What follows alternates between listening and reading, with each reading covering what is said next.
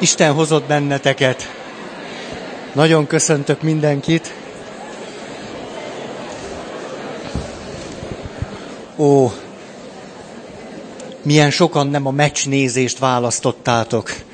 Hát a, a fiúk nem izgatnak benneteket? A magyar fiúk. Valamikor kilenc óra körül esetleg rákérdezek, aki hallgatja a meccset is, hogy hogy hogy állnak a fiúk. Ó, hát nagy dolog. Akkor egy rövid néhány mondatos ismétlés. Egyrészt a, az éves témánk, ugye, ebben az összefüggésben hangzik el, vagy zajlik, hogy egyediség, egyediségünk, együttesség és egyetemesség ebben az összefüggésben látunk és gondolkodunk és ragadunk ki különböző témákat. Majd pedig az elmúlt néhány alkalommal tulajdonképpen az volt a célunk, hogy megkíséreltünk olyan fogalmakat, és persze hát nem szavakról, fogalmakról, hanem az általuk jelzett tartalomról van szó, tehát olyan tartalmakat, amelyek aztán kifejezetten és szinte gondolkodás nélkül az egyediség fogalmába tartozónak tűnnek. Vagyis, hogy, hogy én, hogy én tudat, hogy mit jelent, hogy önmagam, hogy mit tartok annak, hogy ki vagyok én, ebnek folyamányaként mit jelent az, hogy önazonosság, azután önbecsülés, önértékelés, önismeret, ugye ezeket aztán minden gondolkodás nélkül, csak úgy, ha elsőre rá tekintünk, azt mondanánk, ez az egyediség témájához tartozik. És már most aztán három alkalom volt, ugye? Nagyon megyünk. Fú, de tudunk. Tehát három alkalommal jártuk, jártuk körbe azt, hogy éppen eh, még ezek a kifejezések, be kell melegítenem. Tehát, hogy még ezek a kifejezések is, amelyek már a szavukban is, hogy én, én, ön, ön, ön, ön, hogy ezek is mennyire lényegileg társas természetűek. Ugye ez, a, ez volt a célunk, hogy rá csodálkozzunk erre, te jó, hát ez, hát micsoda naivitásban éltünk eddig. Eddig, de három hete, fölnyílt a szem, hallóvá lett a fül, és a problémáink szaporodtak ahogy kedves ismerősöm mondta, szoktam őt idézni minden évben, Feri, amióta ismerlek, sokkal bonyolultabb lett az életem. És akkor ugye most a legközvetlenebb témánk az az volt, hogy a társas identitásunk, önazonosságunknak a jellemzőiről beszéltünk, ezt a mai alkalommal szeretném is befejezni, mert aztán egy még sokkal izgalmasabb téma vár ránk. Hát ez csak egy bemelegítés volt. Hát mindjárt jön a verseny. Szóval az első pont volt a megértés, önmagunk megértése, önismeret, és akkor ott egy váratlannak tűnő következtetés vonhattunk le, hogy az, hogy egyáltalán motiváltak vagyunk arra, hogy önismeretre jussunk, ez is az együttességnek, csoportoknak, közösségeknek a fönnmaradását céljét, célját szolgálja. Tehát valami, amit megint csak annyira ahhoz kapcsolnánk, hogy mi másért akarnék önismeretre jut, mint hogy én boldogabb legyek, sikeresebb, harmonikusabb, stb., hogy ha-ha, ha-ha. Ez volt tehát a megértés, az önismeret, és aztán az is kiderült, hogy akinek egy megfelelő, reális önbecsülése van, ő sokkal hasznosabb tagja tud lenni azoknak az együttességeknek, amelyekbe tartozik. Tehát, hogy a csoport szempontjából milyen óriási csoport, ugye közösség, a családod, a nem tudom én, hm, helyettesítsd be, hogy ezeknek az együttességeknek mennyire sokkal inkább tagja és javára tudsz lenni, hogyha az önismereted reálisá alakul, elmélyül, beleértve az önbecsülést is. Tehát az megfelelő önértékelés segít a csoport céljainak az elérésében, és abban, hogy megtaláld a helyedet egy csoportban, egy együttességben, egy közösségben, és ha te megtaláltad a helyedet, és megtaláltál jó szerepeket, és azokba bele tudsz nőni, hát hogy ne hatna ez vissza az önértékelésedre, az önbecsülés, az önazonosságra? Á, hát akkor egy pozitív spirál indul el.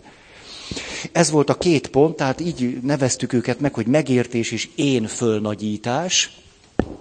És a harmadik pont az az volt, hogy valahova tartozás, és itt ö, szenyóztam veletek.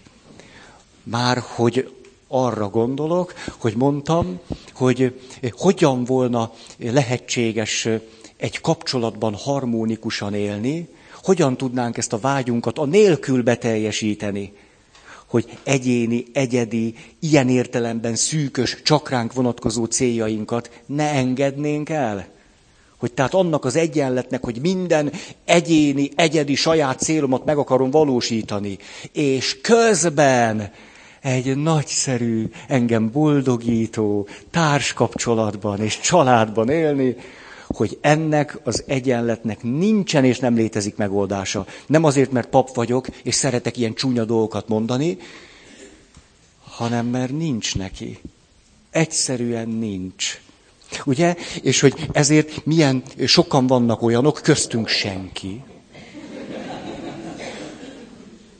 akik úgy gondolják, hogy a társ kapcsolat, vagy az, hogy találni valakit, akivel együtt lehet élni, hogy egy olyan személyre gondolnak, aki az ő egyéni, egyedi, saját céljaik megvalósításában tudna társ lenni. Valójában nem társat keresnek, akivel valódi kapcsolatban lehet lenni, majd egy családot alapítani, haha, nem. Hanem valakit, aki nekik fújja a passzát szelet. Így, így határoztuk ezt meg múltkor, és ez nagyon pontos volt. Akkor a következő pont az volt, hogy akkor rádöbbentünk, hogy akkor az önazonosság nem egy pöttyel való, vagy ponttal való azonosulás, amit itt elgondolunk a szívünknek a legmélyén, bár ez a kép is nem egy rossz kép, ad valamit hozzá az önazonosságunkhoz, vagy hogy magunkat látjuk, de hogy az önazonosság egyenlő egy élő rendszerrel való azonosság. Hogy nem golflabdák vagyunk, akik rosszabb esetben biliárdgolyók, még rosszabb esetben kiköpött cseresznyemagok, akik bolyonganak a világon, hogy találjanak, hanem egy gyönyörű koralzátony. Hogy, az, hogy én magam, te magad, egy gyönyörű koralzátony vagy. Kapcsolatok hálójával, de jól hangzik, én megyek is haza. Ah, az ötös pont akkor az volt, hogy ez akkor azt jelenti, hogy a, az önazonosságunk lényegileg társas természetű. Lényegileg, lényegileg és lényegileg. És aztán itt egy nagyon érdekes dologhoz jutottunk, már mindjárt vége az ismétlésnek, hogy a komplex identitás, amely inkább egy koralzájtonnak látja saját magát, és azzal tud azonosulni, és látja, hogy mi is, mi ennek a gyönyörű eleme az, hogy sokkal jobban véd a stressztől és toleránsabbá is tesz. Tehát magyarul nem érdemes 14-es számú biliárdgolyónak tartani magad. Ez nem, nem éri meg. Egy gyönyörű koralzátony, az már igen. A, és akkor itt egy, egy, egy gondolatot engedjetek meg, hogy milyen nehéz közös sorsunk van, azzal kapcsolatosan, hogy a komplex identitásunkat, a személyes önazonosságunkat, amely természetéből fogva inkább egy gyönyörű koralzátony, mint sem egy biliárdgolyó, hogy milyen hihetetlen történelmi akadályok jelentkeztek, hogy számunkra ez valóban árnyalt legyen, gazdag, színes, sokirányú, és, és a többi. Hogy milyen nehézségekbe ütközött, ami egész, hát persze kihány éves, de ugye, hogy a nemzeti azonosság tudat, hogy hogyan, hogyan volt problémássá téve nagyon szép magyarsággal, az, hogy az identitásunknak, a személyes önazonosságunknak ez a nagyon fontos része, ami a nemzeti önazonosság tudatunk, hogy ez ne tudjon kellőképpen az önazonosságunknak, folytán önbecsülésünknek, önértékelésünknek, harmóniánknak, egészségesebb életünknek a részévé lenni. Hát és ez még csak a nemzet, ugyanígy a család, ugyanígy az egyház, ugyanígy a kis közösségek, a nagy közösségek. Hát paptársaimat, idősebb paptársaimat idehoznám, elkezdenének sztorizni, a felét el se hinnétek. hogy egy kedves ismerősömmel éppen beszélgettem egy héttel ezelőtt, hogy mondta, dorogon volt káplán. 60-as években. És a főnöke mindig mondta, hogy jaj, jaj, nehogy, nehogy, nehogy a fiatalokkal a szobádba bevidd ezeket a fiatalokat. Ez rettenetes. Hát ezt megtudják, és nagy balhé lesz. Ezt csak azért mondom, vagytok itt olyan fiatalok, hogy azt gondoljátok, hogy ilyen nem is volt. Ez kiderült a kutatásokból. Hogy ma már vannak olyan fiatalok Magyarországon, akik azt gondolják, hogy az nem is történt meg. Ó, és ezt én személyesen is tapasztaltam, amikor egyház történelmet tanítottam gimnáziumban. Döbbenetes. Hogy van egy pont, ahol hülyének kezdtek el nézni. Azt gondolták, hát ilyen paranoid beütése van. Ilyen, tehát ezek a történetek, ezeket honnan veszi? Ezeket biztos évekig gyűjtötte össze. Pedig ezek csak a saját történeteim. Ugye, ahogy nem tudom én, a, a fehér kocka zsiguli alsrendszámmal ott áll a plébánia előtt, hogy amikor megyünk a hittanórára, akkor lefotózzanak. Nem volt olyan régen, mert még én is ott voltam, nem a zsiguliban.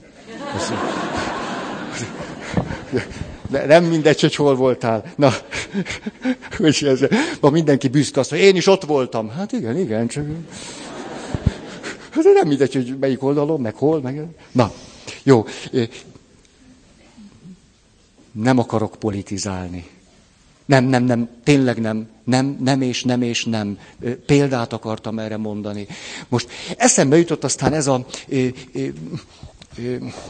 ez a hármas kifejezés, hogy, hogy Isten haza család.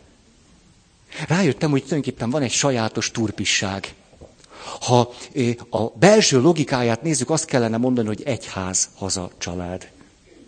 Ezt kellene mondani ha itt az alapvető társas önazonosságunkról, önazonosságról és együttességről van szó, akkor azt kellene mondanunk, hogy egyház, haza és család. És ez még elgondolkodtatóbb, hogy tulajdonképpen ebből a háromból az egyházat szalonképtelennek tekintettük az utóbbi évtizedekben is. Ugye? Hogy azzal ki lehetett állni elétek, hogy Isten. Azzal, hogy egyház.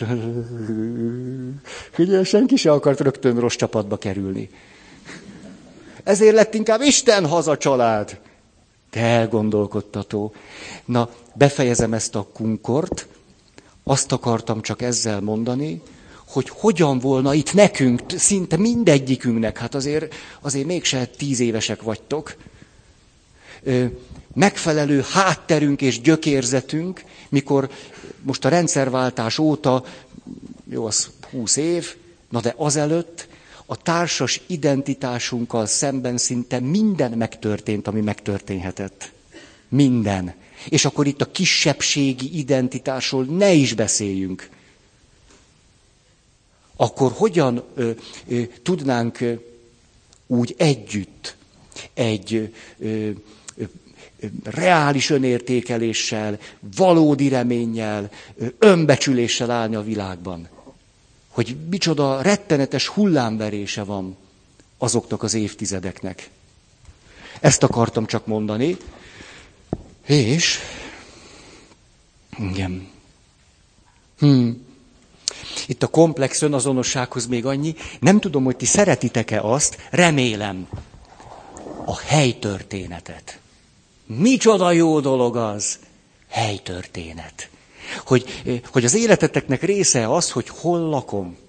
Hogy hol lakom. Mi lehet a házamnak a története? Én mindenhol, ahol laktam, engem nagyon érdekelt a ház története. Mikor épült? Kik építették? Nagyon érdekes. A környező házak története. Így, így, a környező utcák története, az utca nevek története, a környék története. Hogy ahol vagy, hogy milyen izgalmas ezt, ezt föltárni, és hogy ez hogyan erősíti meg az önazonosságodat. És aztán az önbecsülésedet. Ó, hogy amikor Rákos keresztúron voltam, akkor mászkáltam ott a, a Rákos mezején, és elképzeltem, hogy itt voltak az országgyűlések. A Rákos mezőn. Amikor Terézvárosban voltam, akkor hogyan hallgattam ekkora füllel a plébános atyát, aki 1944-ben a katolikus egyház minden ö, ö, ide vonatkozó rendelkezését áthágva egy napos oktatás után keresztelt meg zsidó embereket. Második vatikáni zsinat előtt nem kis teljesítmény. Hogy jön egy felnőtt, az egy óra, és már keresztelte is. Hogy hogyan keresztelte az én plébános atyám. Az én plébános atyám. Már nem él. Százával ott a Terézvárosban azokat, akiknek ezután lett egy papírjuk az élethez. Ó. Vagy hogy Óbudán milyen izgalmas az ott megtudni, hogy például az Óbuda kifejezés nem azt jelenti, hogy öreg Buda, hanem a Budán túli rész. Tudtátok? Szóval csak fel akartam e, csigázni az érdeklődéseteket. Ha úgy vánszorgunk haza minden este, hogy, á, hogy mész a, abba a házba, ahol élsz. Igen, ez nagyon izgalmas, hogy a mi plébániánk története, magának az épületnek, hogy milyen nagy dolog az, képzeljétek el. Ott van az a pici templom, ugye mindannyian ismeritek, voltatok, hát oda jártok, mint misére. És a, és a hogy, hogy hogyan épült be az életembe, pedig hát mondhatjuk, hogy kicsit megmosolyogtató, hogy ugye a plébániát, a plébánia épületet simán lebontották, mikor épült a Szentendrei út, és a templomot a 70-es évek elején nem engedték lebontani. Micsoda jó örökség ez.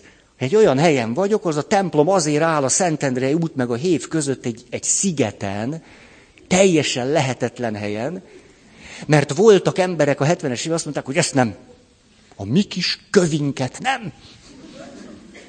Ha, nem szép ez? Na, és hogyha ezeket összegyűjtitek, szortírozzátok, analizáljátok, csócsájátok, rágjátok, emésztitek, ízlelgetitek, hogy ez mit jelent aztán a ti személyes életetekre? Ú, ez nagyon... Olvassátok a különböző lapokat, nagyon érdemes olvasni. Ne, ne, ugye, ugye, aki bólogat, az tudja, hogy micsoda örömforrás. Ó, minél többet ott megtudni ilyen kis izgalmas dolgokról. Na jó. Feri, mások is vannak itt. Hetes pont. Önmagamról alkotott képnek fontos része a számomra fontos tárgyak, élőlények, sőt a környezet is. Ugye erről beszéltünk. Olyan kedves volt valaki, hadd köszönjem meg itt mindegyik őtök előtt, hogy azt mondta, Feri, fölbuzdultunk arra, hogy megkeressük az íróasztalodat. Ugye, amivel el, el, eltűnt az összes számomra fontos fénykép, aminek a három egy részéből csak egyetlen példány volt. Hát de jól esett ez. Aztán volt valaki, az kevésbé esett jól, ő azt mondta, Feri, de sajnáltam azt a takarékos izzót. Amit kidobtál. Az izzót, és nem engem. Na jó. De azzal, hogy ő meg tudta sajnálni azt a takarékos izzót, ami nyolc évig az én életemnek a része volt. Hát biztos, hogy megértette ezt a pontot. Hú, hát... Jó, ez volt akkor a hét, és akkor a nyolc. Ez már egy új pont. Legtöbben úgy véljük, hogy legtöbbet a gondolataink, érzelmeink, vágyaink fejeznek ki belőlünk, miközben másokról azt gondoljuk, hogy őróluk pedig úgy van. Hát az iskolázottság az iskolázottság. Plusz az intelligencia. Szóval Pontosan így van. Ez egy nagyon érdekes rácsodálkozni valónk a mai este, már akinek van kedve hozzá, és nem vett be valami gyógyszert megrendülés ellen, hogy mert szoktunk, ez egy ilyen kultúrizé. Én nem rendülök meg, mondhatnak akármit. Elég kemény csávó vagyok nekem azt Hát, na jó. Tehát, hogy mikor azt kérdezzük magunktól, hogy, hogy mi is a mi legbelsőbb lényegünk, akár önmagunkra tekintve, akár ebben az önazonosságunkban, a kapcsolatainkban, akkor azt mondjuk, azok az érzések, azok a gondolatok, az a, a jó szándékunk, a vágyaink, a, a, az álmaink, az, ahogyan, ahogyan elképzeljük az ideájaink, ez, ezek, ezek fejeznek ki bennünket leginkább. Hát a tetteink nem, hát az valamit ebből. És hogy fordul a kocka, amikor egy másik emberre nézünk, és azt mondjuk, mit csináltál? Döbbenetes ez az egyenlőtlenség. És ennél a pontnál akarnék megállni, mert 20, 30, 40, 50 éve együtt élő férfi és nő képes erre a jelenségre egyáltalán nem rátalálni. Ez azt jelenti, hogy mind a ketten külön-külön ugye azt gondolják, hogy természetesen ők azok a, a, a szép vágyaik, a, a képeik, az álmaik, a, azok az mély érzéseik, hogy ez mind-mind ők, és az a másik meg, az oknia megint össze-vissza van dobálva. A tejet nem rakta vissza a hűtőbe, és egyéb rossz tulajdonságai is vannak. Szóval, hogy önmagában micsoda kapcsolatot erősítő gyakorlat lehet az, hogy leül a férfi meg a nő, és elmondják egymásnak, hogy igaz, hogy ezt tettem, de ez meg ez volt bennem. Ez az érzés, ez a vágy. Most aki direkt rosszindulatú, gonosz mostoha, ő óvatosan ezzel a gyakorlattal. Hát most magunkról beszélek, hogy milyen hihetetlenül nem látjuk egymást attól, hogy a tetteket, a tetteket fölerősítjük, kinadítjuk, és mi gondolunk ezek mögé érzéseket, gondolatokat, képeket. És mert a tett sokszor negatívabb, ezért aztán mögötte azt gondoljuk, hogy mert nem szeret, azért csinálta ezt. Mert nem vagyok neki fontos, azért engedte ezt meg magának. Azért, mert nem köteleződött el, ez azért van. És mi találjuk ki az érzéseket, gondolatokat, ahelyett, hogy erről lehetne beszélni. És mondhatná a másik, hogy de, de hogy van erről szó. Mondok egy nagyon egyszerű példát. Az önkielégítés témáját. Kifejezetten meglepő volt számomra az, hogy milyen másképpen tud gondolkodni egy nő meg egy férfi az önkielégítésről. Főleg keresztény berkekben. Nagyon-nagyon érdekes és tanulságos. Leült nálam egy férfi, meg egy nő. Egy nő, meg egy férfi. És a nő azt mondta, hát számomra egyszerűen, hát nem tudok mit kezdeni azzal, hogy az én barátom önkielégít. Hát, hogy, hogy ez egyszerűen számomra rettenetes. Olyan, mintha megcsalna engem. Mint a hűtlen lenne hozzám. És akkor el, elkezdtünk belemenni, hogy milyen asszociációi vannak a, a társának az önkielégítéséről. És akkor azt mondja, hogy hát, hát ez olyan, mintha megcsalna, nem lennék neki elég fontos, mert magával csinálja, és akkor, akkor, és akkor különben is Mit keresek én az életében, hogy azt tudja egyedül is csinálni? Akkor mi, mi, ezt gondolta a nő mögé. És a férfi ült, és És végül körülbelül ez volt a fő érve. De, de, de még nem is mondtam el, hát mit? Hát ez jó. Erre kíváncsi lennék, hogy mit gondoltatok. Tehát, tényleg, mit gondoltatok? Elkezdtetek nevetni még előtte. Ez nagyon érdekes. Ez egy érdekes jelenség. Álljunk csak meg. Tessék. Hát a férfi, most így, a, a, nem meritek, látom, másra mindig jelentkeztek itt meg. Szóval, a férfi végső érve ilyen nagyon egyszerűen és természetesen nem elég árnyaltan így szólt, de hát drágám, én egy pasi vagyok. És akkor próbáltam mondani, hogy semmi hűtlenség, semmi szeretetlenség, semmi elhagyás, semmi, semmi, se, nem, ez mind hihetetlenül nem igaz. Csak hát... Ó, és hogy az egyórás beszélgetés tulajdonképpen arra a dinamikára járt, hogy van egy tett, és van az értelmezése. És semmi más nem kellett tenni, mint hogy a nőhöz valahogy eljusson az, hogyan a férfi mondja neki, hogy a tett az volt, az igaz. De hát amit te gondolsz, hogy én mit érzek ut- mögötte, közben, alatta, utána, előtte, meg gondolok, meg vágyok, meg mi, hát abból semmi se úgy van, hogy te gondolod, hogy. Á, ez egy nagyszerűen jó példa volt. Egyáltalán nem volt annyira jó példa, de ez jutott eszembe. Szóval, igen. És akkor itt van egy nagyon érdekes, egy másik érdekes jelenség, amit szintén szeretnék visszajelezni nektek, mert ezt nagyon gyakran hallom tőletek. Az az illúzió, vagy egyoldalúság, hogy én egyenlő vagyok leginkább az érzéseim, gondolataim, a vágyaim, és hát a tetteim alig fejeznek ki valamit. Hát természetes, amikor szépeket csinálok, na az az. Hát az összes többi az tulajdonképpen szóval nem.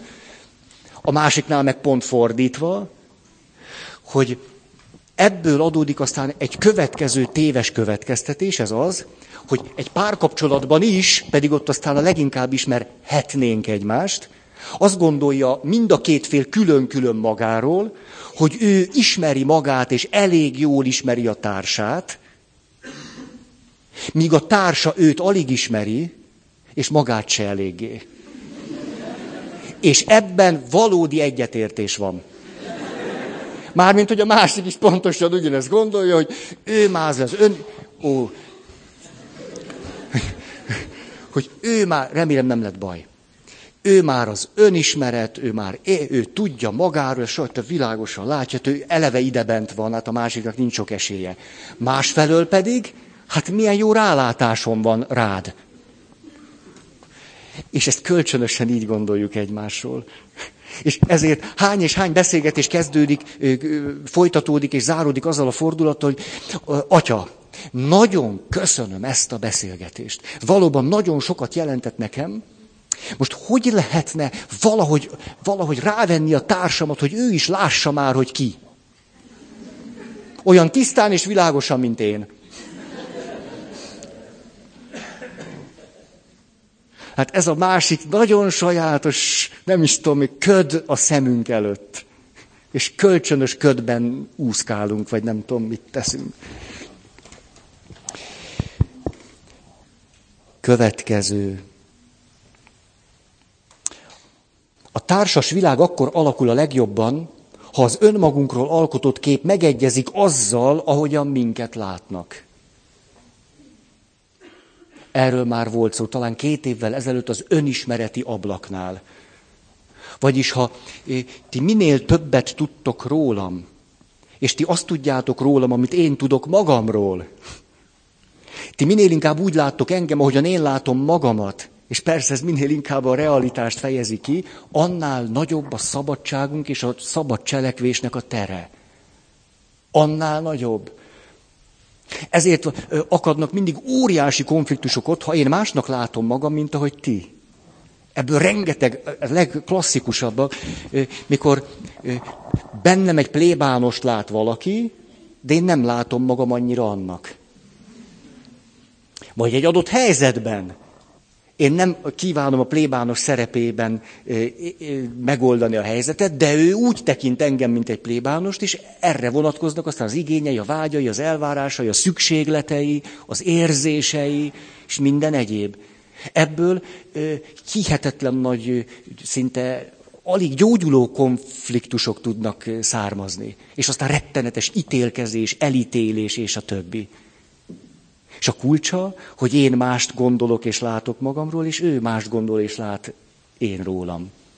Ezért ennek a folyamatos egyeztetése egy családban vagy a kapcsolatokban megint csak óriási jelentőséggel bír.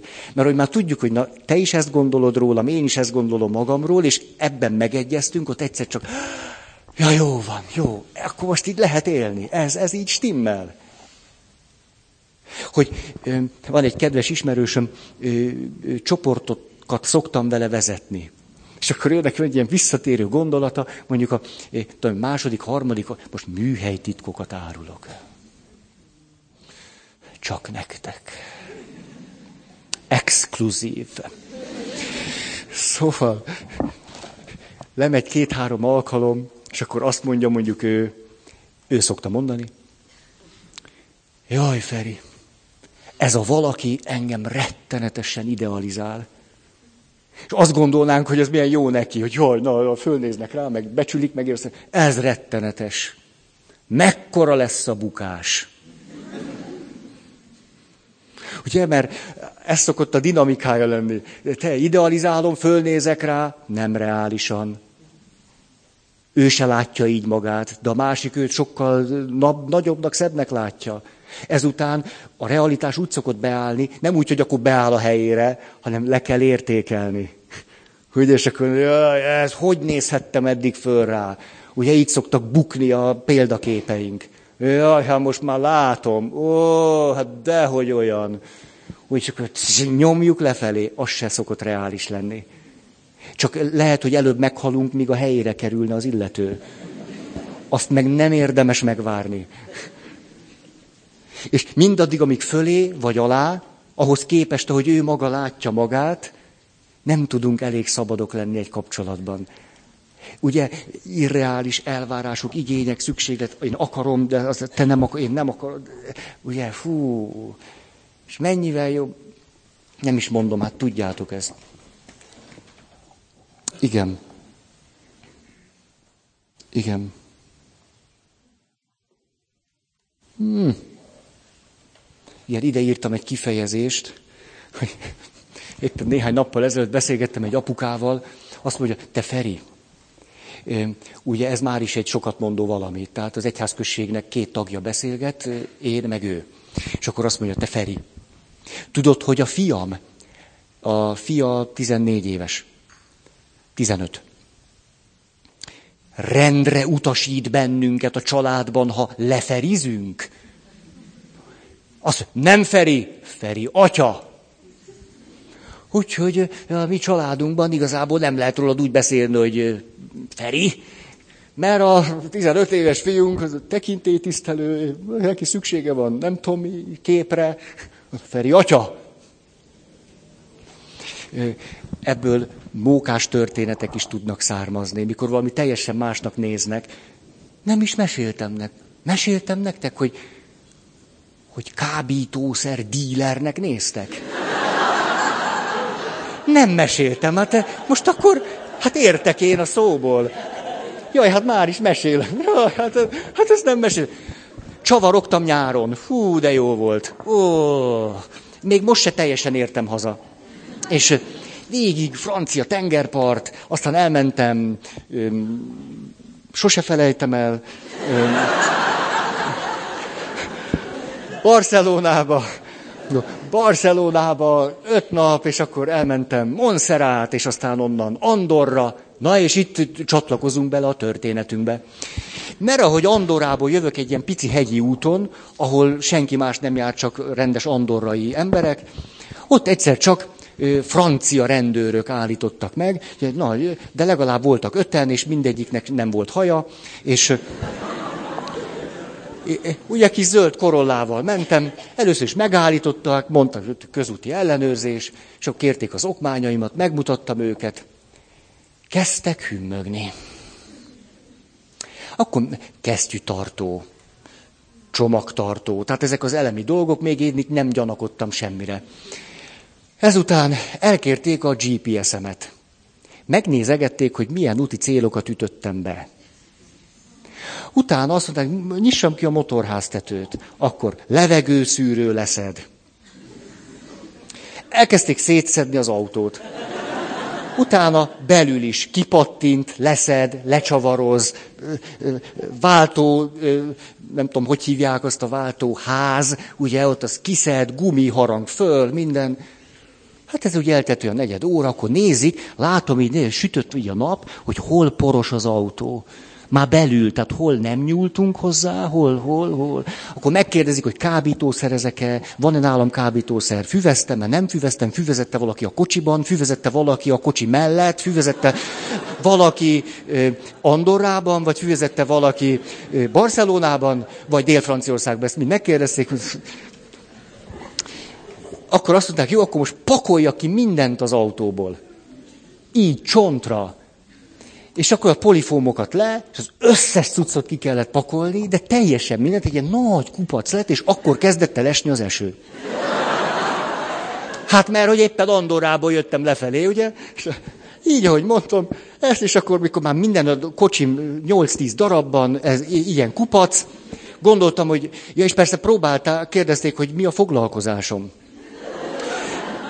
De hát tudjátok, ilyen szakadt cuccba voltam, tehát én ilyenkor úgy nézek ki, mint egy, egy kamionos. Tessék? Ilyen facipő, ilyen klumpa, vagy nem, nem, hát, de hát a hegyekben voltam, tehát azért, na, tőletek is kaptam egy ilyen izét, na és mondom neki, hogy hát pap vagyok. Na, ezt a szót nem értették. Az összes többi szót értették, ezt nem. Akkor mond, kérdezték, próbáltam, hogy mondjam, akkor érthető, mondom, tanár vagyok. Úgy ezt gondolták, na, mit tanít? Hát, és akkor mondtam egy-két dolgot, mert még gyanúsabb lettem.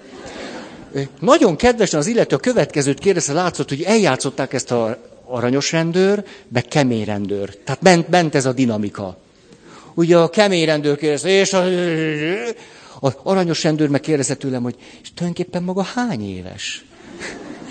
És ugye ebben a kérdésben minden benne volt. Tehát, hogy, hogy 43 évesen mi ez? Tehát mi, mi, mit csinál itt maga? Kérdezték, hogy akkor most hova megyek?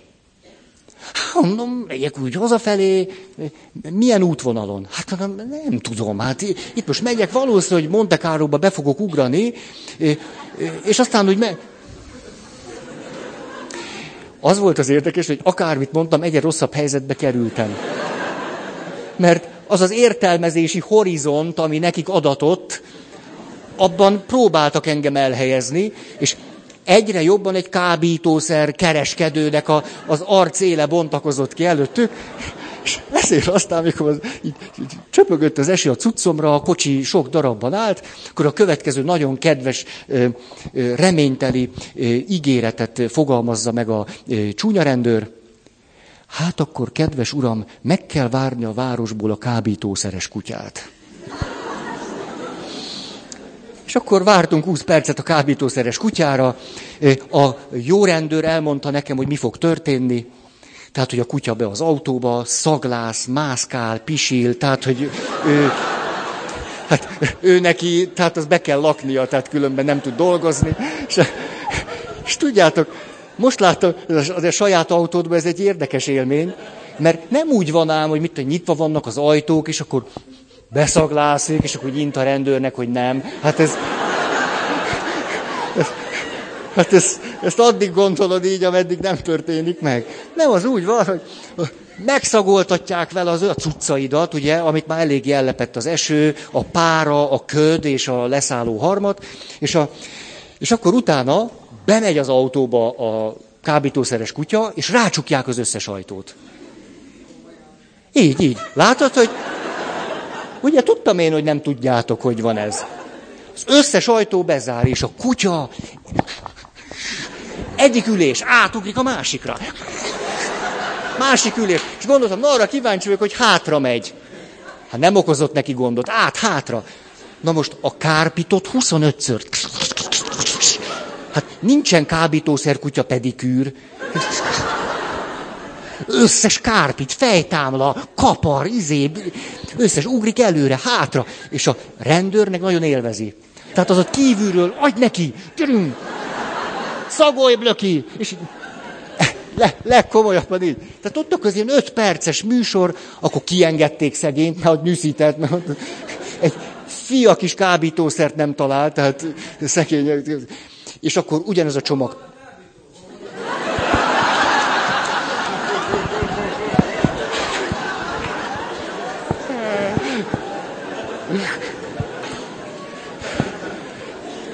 Hol vagy? Sose nyughatsz. Na, a, a, na szóval. Tehát és végül, mikor ez a kb. 50 perces történet lezajlódott, akkor viszontlátást mondtak. Én nagyon egyszerű, 50 perc ellenőrzés meg volt. Még azt megkérdezték, hogy volt-e már tapasztalatom közúti ellenőrzésről. Nem, nem, nem, nem, nem most már. Ó, tehát ebben az volt a, a roppant érdekes ott az 50 perc alatt is, hogy nem tudok olyat mondani, ami próbálna valamiképpen ő bennük egy olyan képet kialakítani, ahogyan én látom magamat. Tehát minden, amit mondok, kizárólag abban az értelmezési rendszerben nyer valamiféle jelentést, amivel ők dolgoznak. Ez hihetetlenül tanulságos, hogy milyen, ez egy ilyen egyszerű helyzet, hogy felnőtt emberek ott állnak Nyugat-Európába valahol, és képtelenek vagyunk. Hát tudjátok, van papi igazolványom. Nagyszerű darab, mert latin szöveg az egész, úgy, ahogy van. Tehát végső kínomba gondoltam, bemutatom nekik a papi igazolványom. És nem, tehát ez nem járt eredménnyel. Tehát látták, hogy a fénykép azonos, de mi ez a nyelv?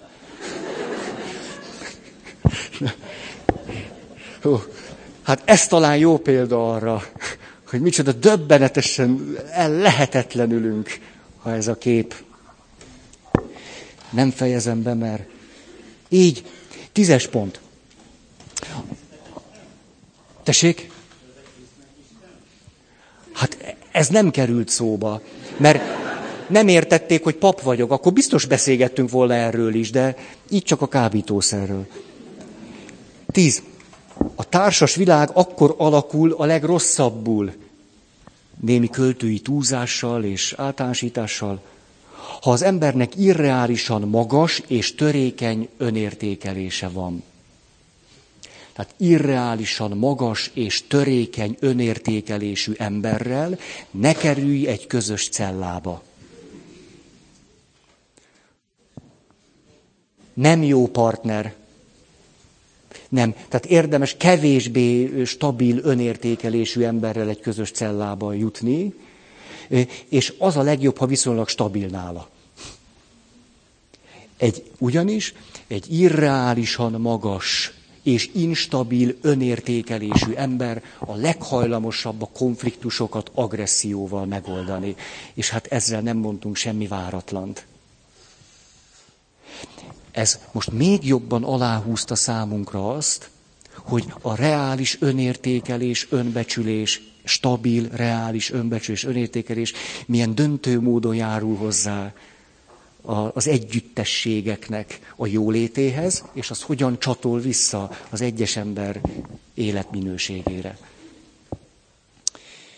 Na, a, biztos láttátok még teniszezni, vagy ha nem, akkor nézzétek meg John McEnroe-t. Ugye? A tenisz fene gyereke. És egy nagyon érdekes űrge, zseniálisan tudott teniszezni, és hihetetlen sok balhéja volt a pályán, meg azon kívül is. És egyszer egy riporter kérdezte tőle, hogy mondaná már meg, hogy miért ennyire kibírhatatlan ki, miért töri el két meccsenként az ütőjét, vágja hozzá a hálóhoz, a bíróhoz, a partneréhez, a közönséghez, miért mondja ezt, meg ezt, meg ezt, meg ezt, és azokat a kifejezéseket nem is mondta. És akkor azt mondja, ez már idősebb korában volt, akkor már tudott reflektálni magára, tudja, mondta a riporternek, engem úgy neveltek, hogy te vagy a legjobb. Te vagy a legjobb, neked kell lenni a legjobbnak, mert te a McEnroe családba születtél, én vagyok az apád, anyád se piskóta. Úgyhogy, fiacskám, odavész és lerendezed ezt a Wimbledont. És akkor azt mondja McEnroe, már akkor bőven elmúlt 30 éves, hogy amilyen sokat köszönhetek ennek a teljesen irreálisan magas önértékelésnek, meg a, a, meg a, a hátterének, amiből ez jött, hát olyan sok problémám is adódott egész életemben ettől, mert azt mondta, hogy nagyon ő maga beszélt el, azt mondta, most képzeljük el, hogy maga teniszezik velem. Hát ha maga nem gondolja magát a legjobbnak, akkor maga nem fog ütőket dobálni, ha rosszul játszik. De én magamat a legjobbnak tartottam, ezért, ha én rosszul játszottam, hát ez elviselhetetlen volt. Hát persze, hogy dobáltam az ütőt. Tehát mindig dobáltam az ütőt, és ha nem derült az ki, hogy tényleg én vagyok a legjobb, hogy magamat láttam. Tehát az instabil és magas önértékelés a környezet számára katasztrofális. Az instabil és gyönge önértékelés meg talán az egyén számára az. Öm, szeretnék itt akkor egy pöttyös történetet mondani, mert játszottam azt a gyerekekkel, hogy kérlek szépen gyerekek, mondjátok meg nekem, hogy melyek azok a mondatok, amelyeket szívesen hallotok otthon. Ez ugye nagyon érdekes, mindig a szülők is ott vannak, meg a gyerekek, és akkor jelentkezett egy kislány, az első sorban ült, körülbelül 5-6 éves lehetett. És akkor azt mondja, én azt a mondatot szeretem nagyon hallani, mikor rajtam van a király kisasszonyos ruhám, azzal a nyaklánccal, ugye ezt nem tudjuk, hogy mi az, hogy azzal, de ő nagyon tudta, és ez elég is volt. Tehát a király kisasszonyos ruhám azzal a nyaklánccal, és akkor az apa azt mondja, te vagy a leggyönyörűbb a világon. Én ezt a mondatot szeretem hallani. És nagyon, nagyon jó pofa volt, mert a misén oda mentem ez a családhoz, és kezet fogtam az apával. Hogy ez, ez jó. Tehát, hogy ezek, ezek a mondatok. És akkor na, mondtak mindenféle nagyon hallatlan, kedves dolgokat ezek a gyerekek, és aztán elindult a gondolatom, hogy melyek azok a nagyon fontos mondatok, amelyek egy egészséges önbecsüléshez, önértékeléshez, egy önazonosságtudathoz, de fontos, hogy elhangozzanak. Erről beszéltem két héttel ezelőtt a templomban, de volt, aki nem tudott eljönni. És ezért csak gyorsan hadd mondjam el, az érdekesség kedvéért, hogy melyek lennének, hét nagy csoportot találtam. Biztos van nyolc meg kilenc, de úgy egyszerűen. Az első, ez az a mondat, meg persze minden, ami a mondat mögött van, akarom, hogy legyél, és de jó, hogy vagy. Akarom, hogy legyél, és aztán de jó, hogy vagy. És ami mögötte van. Csak így, így utalásszerűen fogom mondani, de azért érzitek, ez, ez egy jó, ez egy jó. Második, mikor már az illető van, akkor azt hallja, és mögötte ez van, hogy szeretlek téged. És hálásak lehetünk a nőknek, akik ezt kipaszírozzák a pasikból. Szeretlek téged. Aztán a harmadik, mindenféle olyan mondat, amiben azt fejezi ki a másik felénk, hogy értékes vagy. Hogy látlak, látlak téged, most látom, ezt jól tetted, ez sikerült, értékes vagy. A negyedik, na, haha, haha, haha. Éppen már most itt szépen elpuhultatok a széketekben ülve, de a negyedik csoport nem lesz annyira finom és puha, mint az első három. A negyedik csoportban az összes olyan mondat hangzik, hogy kérlek ezt ne tedd, mert fáj. Nagyon fontos mondat. Nagyon. Kérlek ezt ne tedd, mert fáj nekem. Kérlek ezt ne tedd, mert fáj nekünk. Ezt kérlek ne tedd, mert ez nekik fáj. Kérlek ezt ne tedd, mert fájni fog neked is.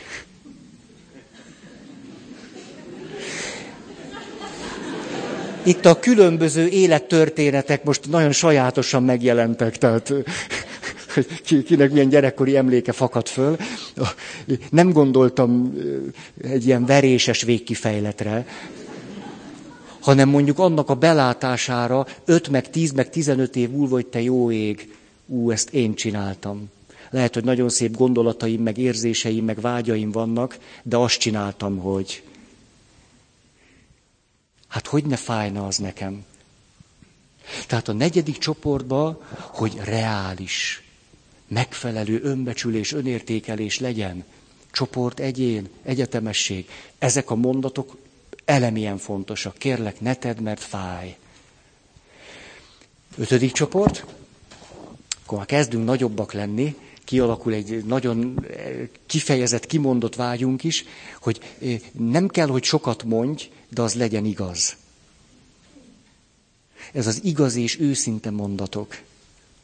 Legyen igaz és őszinte. És hogyha már, hogy mondjam, úgy megemberesedtünk, akkor el is, el is viseljük, el is bírjuk.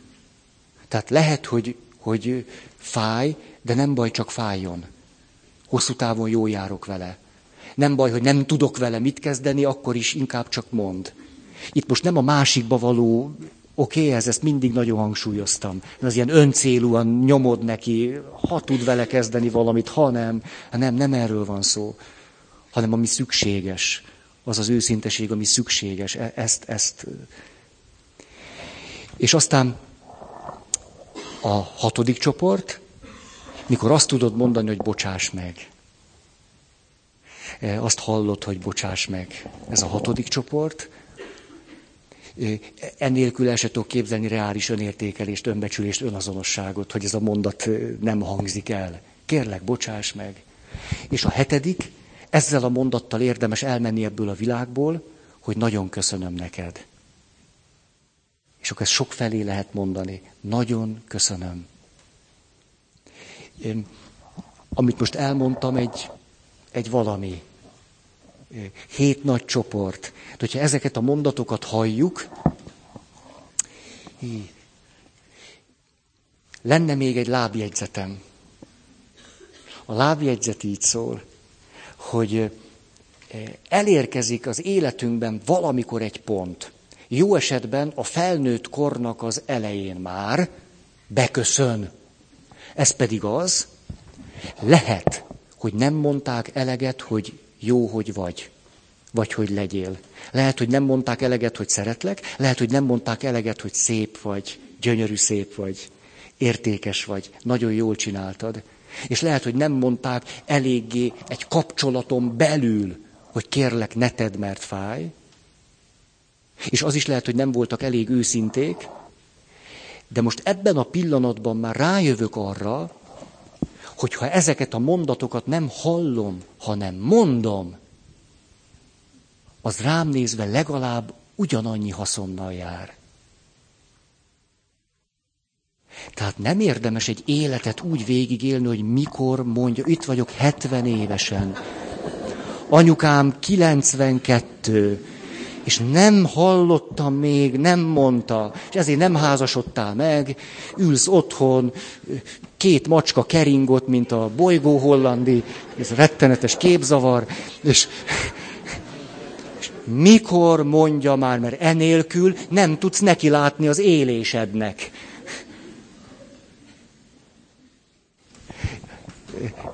Én is sokat gyűrkőztem ezzel a témával, nem véletlen, hogy hozom. De hogy akarok én most bele, beleboxolni valakinek a fájdalmába? Ó, nem. Hát hiszen mennyit szóltunk arról, hogy ez mennyire tud fájni. Ismertek már ennyire, ugye? Úgyhogy én nagyon pozitívan tudom látni magam, ti nem biztos, hogy annyira. Azt akarom ezzel mondani, hogy itt az életnek van egy gyönyörű titka, hogy mikor elkezdett te mondani, valami átjár téged. Ezeknek a mondatoknak valahogy olyan ereje tud lenni, persze egy kapcsolatba ágyazottan, őszinte mondatként, rájössz, hogy hát most ezt már megtehetem. Ezt megtehetem, és ez, ez óriási dolog. Hogy hogyan lehet növekedni úgy, hogy hiányaid vannak. Rettenetes volna, nem lehetne növekedni úgy, ha valakinek hiányai vannak. Ha előbb minden hiányunkat be kéne tölteni ahhoz, hogy növekedni lehessen. Rettenetes. Hát, hát, na. Nézem az időt is. Hogy áll a meccs? Van valakinek? Nincs. De örülök, engem hallgattatok.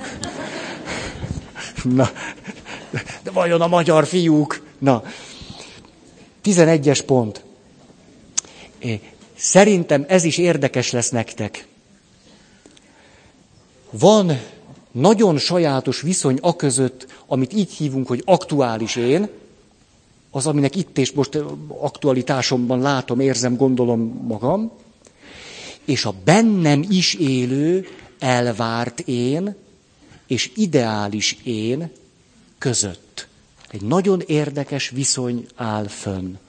Sőt, okos szociálpszichológus bácsik és nénik Azt mondják nekünk, hogy szinte két külön embertípus, két külön életbe ágyazottság, vagy életstratégia bontakozik ki akkor, ha valakinek evidensebb viszony az, hogy az aktuális énnek mi a viszonya az elvárt énhez, mint ha valakinek fontosabb viszony az aktuális énnek a viszonya az ideális énhez.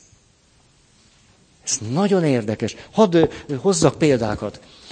Mi jellemzi azt a valakit, aki az életét ebben a belső összefüggésben éli alapvetően, hogy aktuális én és elvárt én.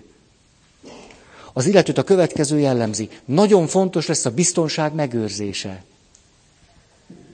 Azután gyorsan elköteleződik. Már hát azért, hogy az elvárásoknak meg tudjon felelni. Gyorsan rögtön erőforrásokhoz kell jutni, és gyorsan rögtön be kell állni a sodrásba. Aztán azonnal neki lát, hogy elérje az elvár célokat, amit persze magától is elvár. Ugye ez belül van, attól, hogy elvárt énről beszélünk, ő maga várja el magától. És ez két kép. Aztán ezért a... Igen. Félidőben egy-egy. Jó, jó, jó, jó. Jó, akkor maradunk. Maradunk. Szóval, köszönöm szépen. Fú, ezt... Azt mondja, van egy nagyon rossz hírem. A nemzetközi kupameccseket kedre tették át szerdáról.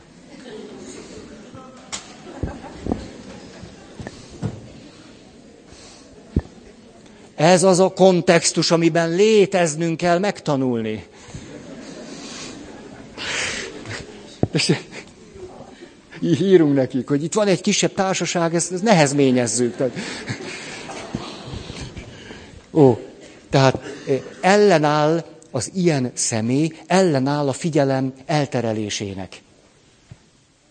Ugye, mert rá van nagyon állva a célra, elköteleződik, és úgy érzi, hogy ez muszáj, és, és nagyon fontos, és nem szabad, hogy elhibázza, elvétse. Aztán elég gyorsan fölméri, hogy a különböző dolgok mennyire nyugtatnák meg, vagy idegesítenék föl.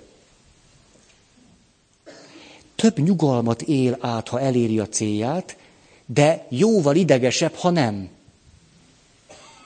A veszteség felett több fájdalmat érez a nyereség fölött kevesebb örömöt. Az alapvető érzés, ami a feszültségből fakad, a reális én, az aktuális én, meg az elvárt én között, mit gondoltok mi? Én is itt olvasom. Mi, mi lehet az alap, alap érzés akkor? Hogy rakt? Jó, nem vagyok elég jó, és ha ez egy érzés, szorongás, egyszerre egy valaki, hát nem.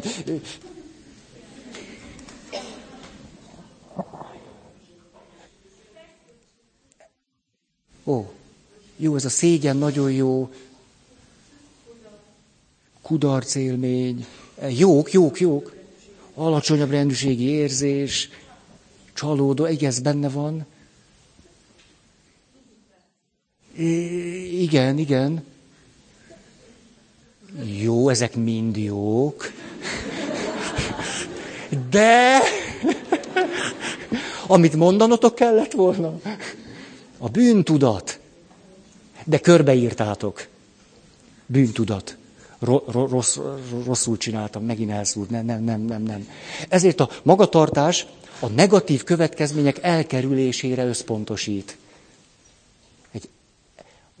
elvárásoknak akarok megfelelni, így nem muszáj, muszáj ezt is, ha bele döglök is, a stb., és ha nem, akkor rossz vagyok, ez rettenetes, bér, tehát itt a csalódottság, frusztráltság, ez oké, okay, mind, mind, mind oké. Okay.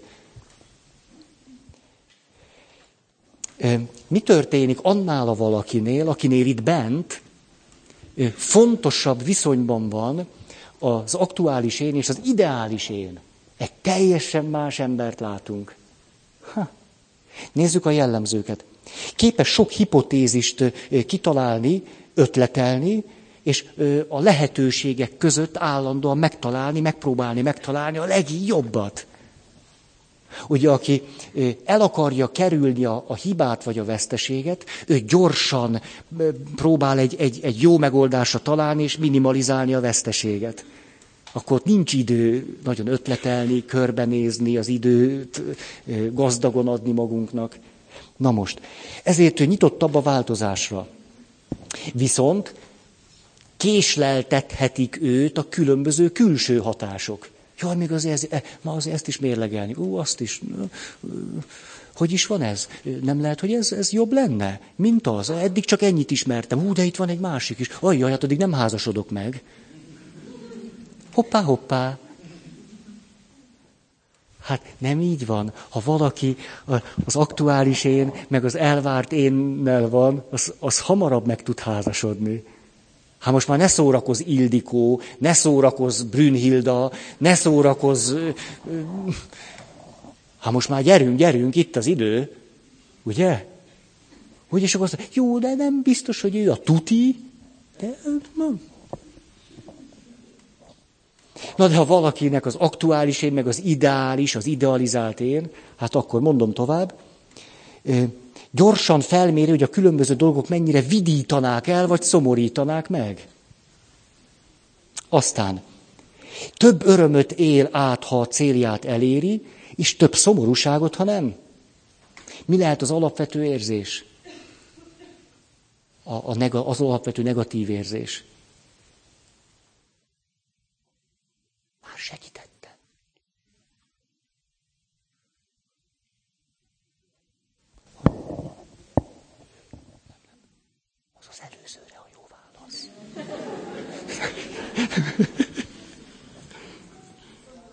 Az. Az intelligencia a tudással párosulva. Szóval a szomorúság. A szomorúság. Az illető törekszik a célra, a jutalomra, el akar érni valamit. Tehát itt egészen két egymástól különböző élet, minta, vagy modell, vagy pálya, vagy valami, nem tudom mi a megfelelő kifejezés alakul ki. A jó tudós emberek azt mondják, hogy fontos, hogy mind a kettőre képesek legyünk, vagy hát valami viszonyunk legyen az elvártal is, meg az ideálissal is. Most minden esetre ránézhettünk, hogy ti mit gondoltok, hogy melyikből van nektek túl sok. Következő kérdést tettem föl magamnak, mondjuk a magyar szentek közül melyik melyik? Ah. Kérdezhetlek titeket? Hogy ti mit gondoltok? Tehát kezdjük a, a, az aktuális én és elvárt én. Kit látunk egészen ilyennek? Egészen úgy zömében, nagyjából, egészéből. Ez egy, ez egy ilyen fajta.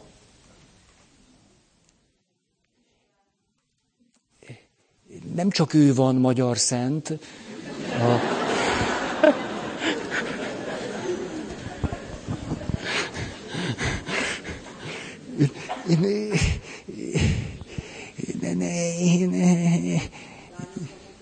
Hát vannak nők is.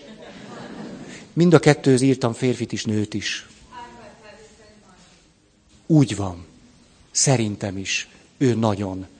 Árpádházi Szent Mar, ma, Jaj, majdnem olyan kifejezést használtam, amit nem szabad egy ilyen összefüggésben. Tehát Árpád házi Szent Margit, ott nagyon ilyennek látom. Na hát az egész élet története ennek a rugójára jár. Ú, van is ám ez az amaz, hogy ne menjünk bele a részletekbe. Na, ha Margit ilyen, a másik, hát a, de az az ideális én, meg az aktuális én dinamikájából előálló életút. Ugye? Hát keresi az újat, változék, hogy hát éppen, hogy az elvárásokra fütyül egész életén keresztül. És közben egy ilyen döbbenetes célra tartással, hogy hogy, hogy, hogy hogy lehet azt a Krisztusi valamit élni, ami számára az a szegény Jézus, aki mindenkinek a barátja. Ugye, és emiatt fittyet hány egy csomó elvárásnak. És közben nagyon nagy örömöt él át, és rettenetes szomorúságokat. Hát tulajdonképpen Szent Margit szinte bele, belepusztul ebbe az öngyötrő, bűntudatos, de közben ilyen engesztelős, másokért valós valami csodába. Szinte bele, bele betegszik ebbe. Hát a szinte az költői kicsinyítés. Látjátok, miket találok ki? A, és hogy Szent Erzsébet pedig, hát ugye, ő pedig abba a fájdalomba, abba a szomorúságba, hogy a férje, a, a na és... Ha. Nyilván vannak pozitív oldalak is, csak itt most meg tudtuk ragadni ennek a lényegét. De érdekes ez a különbség. Én Szent Lászlót, Szent Lászlót tartom elvárásosnak. Ugye, aki megy, és azt mondja, hogy hogy koronázza magát királyá, hogy koronázzák őt királyá. Azt mondja, hogy hát ő, ő nem méltó, hogy a, a koronázási jelvényeket, jelképeket ő, ő hordja. Ez előtte viszik. Azt mondja, ő neki nem az a dolga, hogy itt a méltóságával éljen, hanem hogy szolgáljon. Ugye amikor van a kunokkal a háború, a háborúskodások, azt mondja, inkább veletek együtt halok meg, mint hogy benneteket rabláncon lássalak. Aztán éppenséggel sikerül győzni.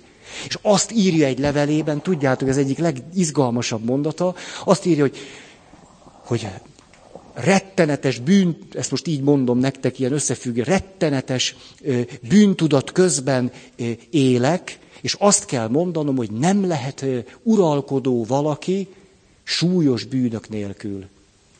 Ebben gyötrődik. Szóval László inkább ez. És szerintem István meg inkább az ideál. Az ideális én és a, az aktuális én közti dinamikából jön. Na, csak egy, egy, egy valami, egy ötlet, hogy ezen tovább.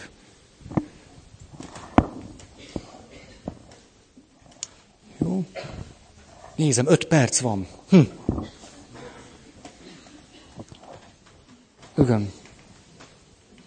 Most mondanék akkor még néhány pontot ugyanehhez a témához. Akkor tehát nyugodtan mondhatjuk, ezt már mondtuk is, hogy az önértékelés, önbecsülés függ a társas önazonosságunktól. Ez teljesen egyértelmű. A, ahogy Barcelonában jártam, én elmentem a barcelonai futballcsapat stadionjába.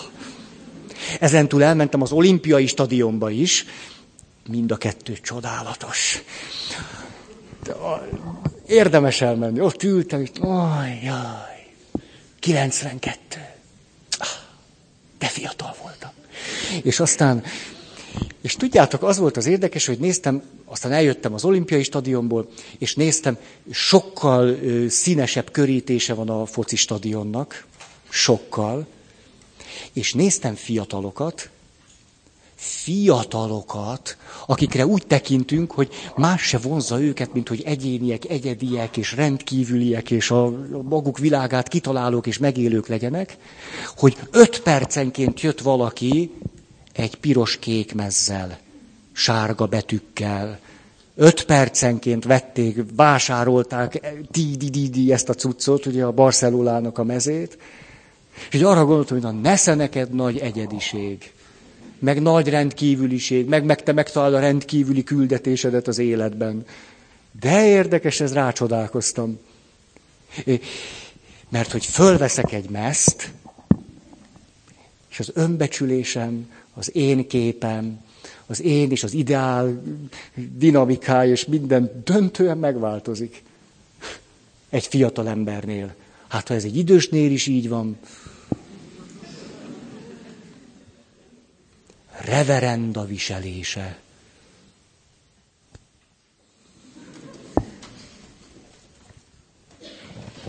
Igen. Következő pont. Látjátok, nem mondok számokat, az, az, az a gyengém. A, egy nálunknál többre, magasabbra, nagyobbra értékelt együttességhez együtteshez, csapathoz, közösséghez, nemzethez van tartozás, megerősíti az önértékelést és önbecsülést. Azt is mondhatnánk, hogy csoporttagként ott is arathatunk, ahol nem vetettünk. Ezt csoporttagként megtehetjük, és meg is tesszük. Hogy ne tennénk meg? Igen. A, mondok erre egy utolsó példát, az pont két perc, és akkor már picit pihenhettek is.